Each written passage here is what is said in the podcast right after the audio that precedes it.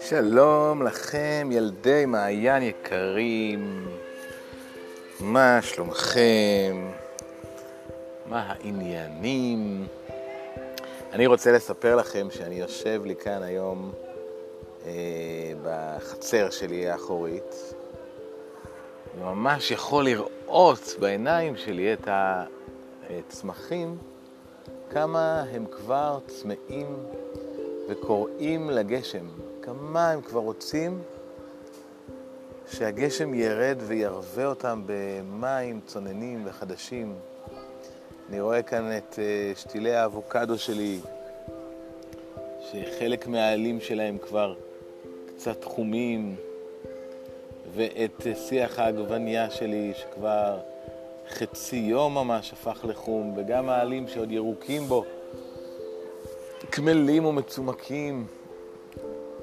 ואני רואה את עץ הלימון שלי, שהוא, העלים שלו אה, פונים כלפי האדמה ומצביעים אליה, גשם, גשם, בוא, רד עלינו.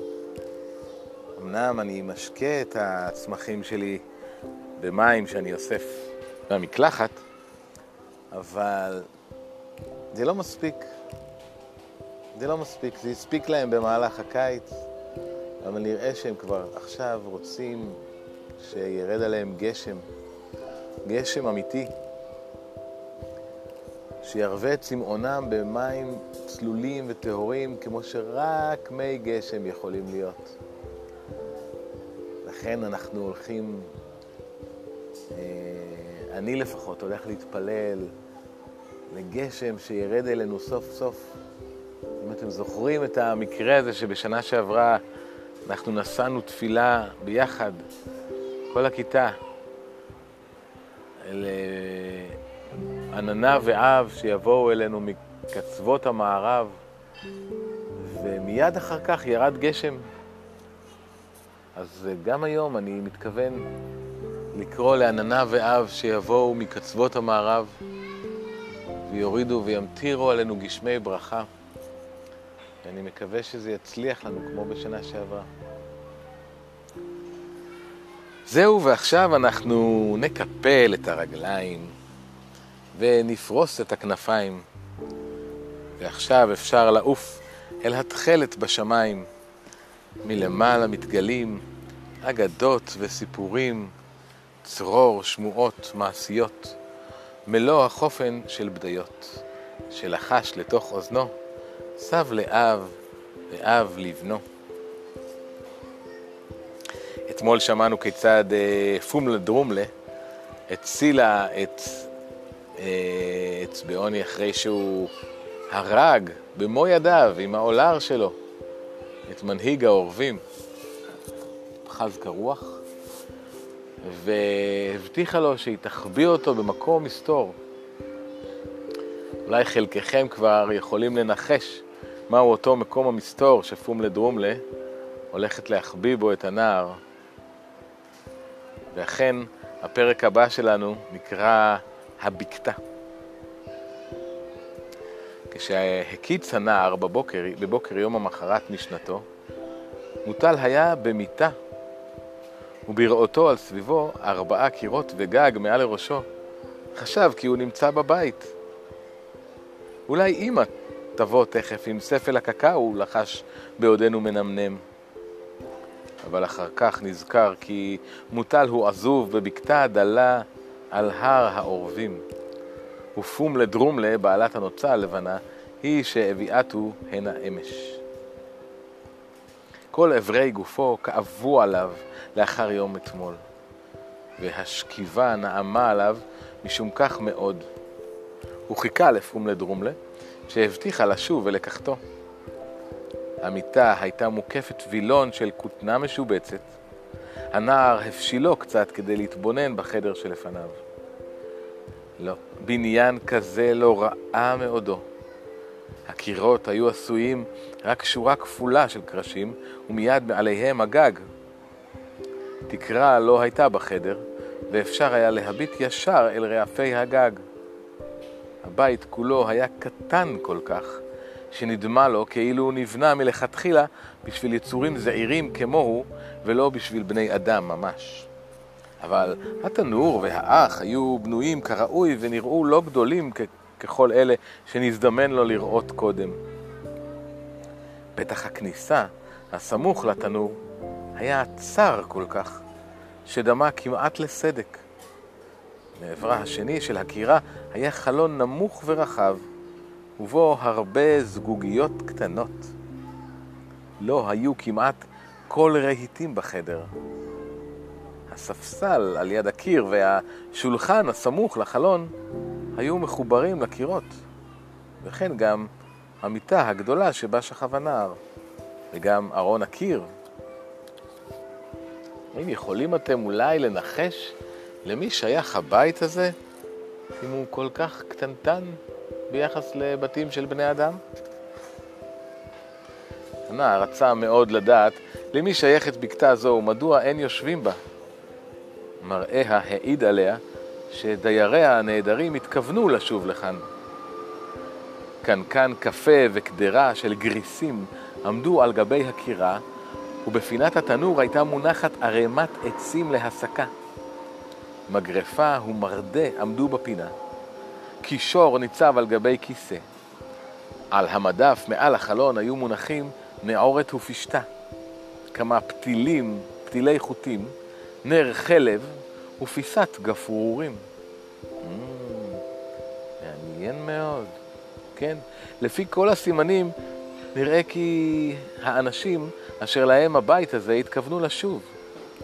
בתוך המגירה מונחים המצעים הדרושים, ואל הקיר מחוברות רצועות בד ארוכות, שמצוירים עליהם שלושת הפרשים המכונים קספר, מלכיור ובלשצר.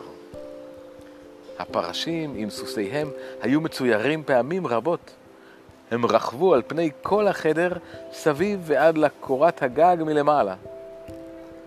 אבל מתחת הגג נראה לנער דבר מה שהעמידו מיד על רגליו. כאן למעלה היו תלויים על גבי ו' כמה כיכרות לחם. אמנם מיובשים היו ועבישים במקצת, אבל לחם הוא. הוא הטיח בהם כמה פעמים במרדה עד שנפל אחד מהם למטה. מיד השביע את רעבונו ומילא בהם גם את כל כיסיו. הו, מטעים הלחם וכמה ערב לחיכו. אחר התבונן עוד פעם בחדר על סביבו, לראות אם אין בו דבר שיוכל להעיל לו. הלא רשאי אני לקחת מה שנחוץ לי, אם אין מי שיצטער על כך, חשב בליבו. אבל רוב הדברים שראה היו גדולים וכבדים ביותר. הדבר האחד שאולי יכול היה לקחת איתו היה זוג גפרורים. הוא טיפס ועלה על השולחן, ובעזרת הווילונות הטיל עצמו אל קרש המדף הנטוי מעל החלון.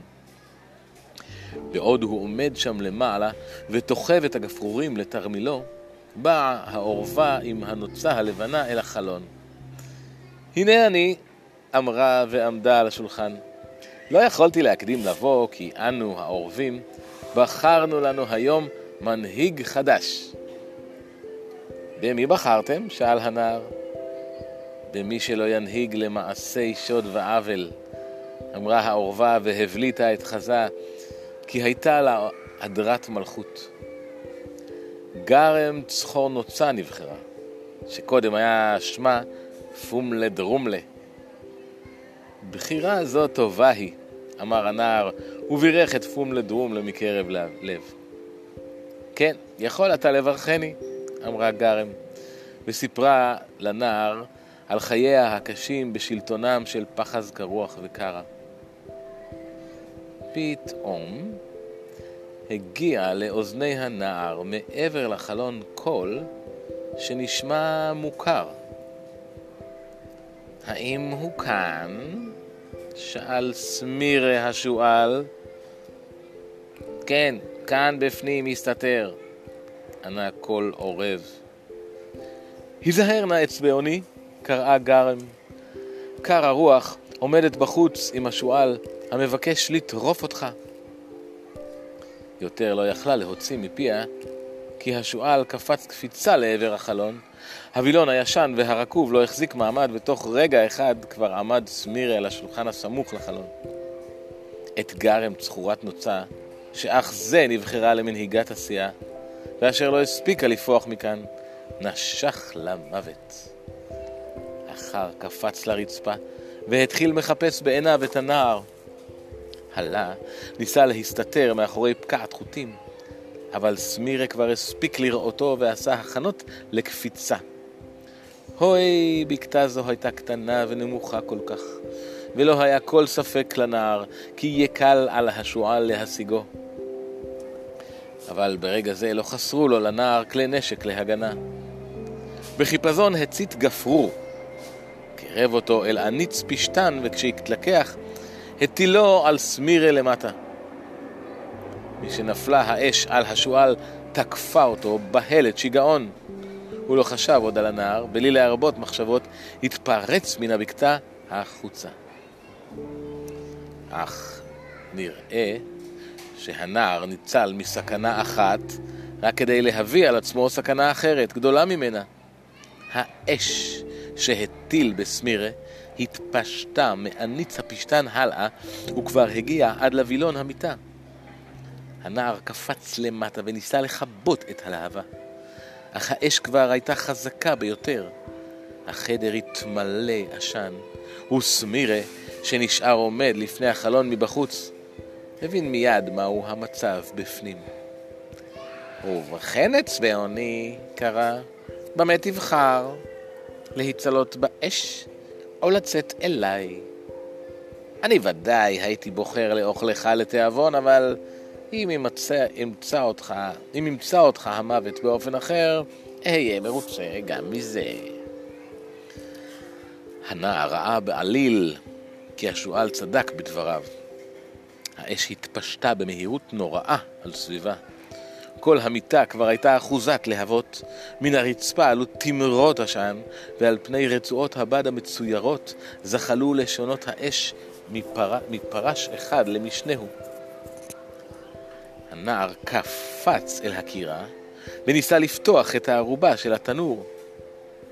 והנה, הגיעה פתאום לאוזניו חריקת מפתח שננעץ בדלת והתחיל פותח את המנעול. היו אלה כנראה אנשים.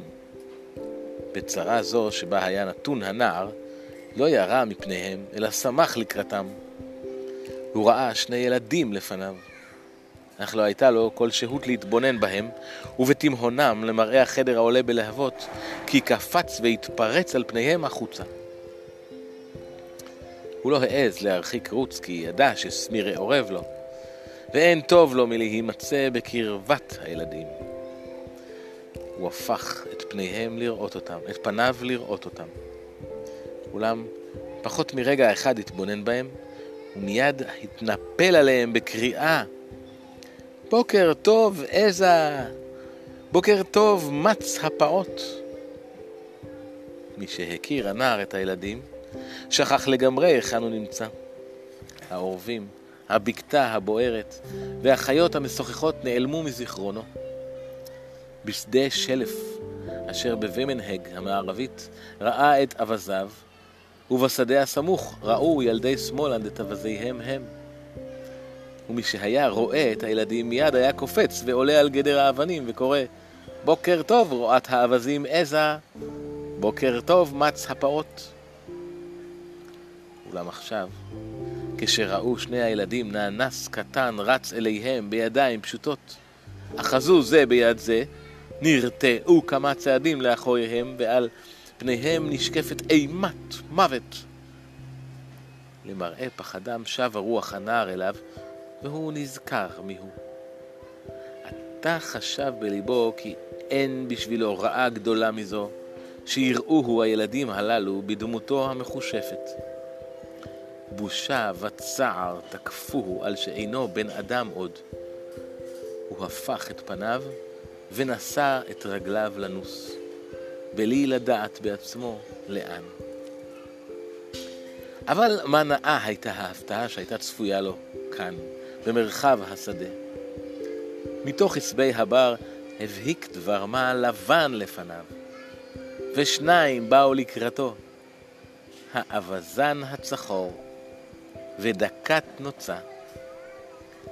האווזן הצחור ראה את הנער רץ וחשב שאויבים מסוכנים רודפים אחריהם. מיד העלהו מהר על גבו, פרס כנפיו, והתעופף איתו מכאן. עד כאן להיום, ילדים יקרים. להתראות בקרוב, פנים אל פנים, ובינתיים, כאן בסיפורנו על מסעו, מסע הפלאים של נילס הולגרסן הקטן עם אווזי הבר. ניפגש שוב מחר.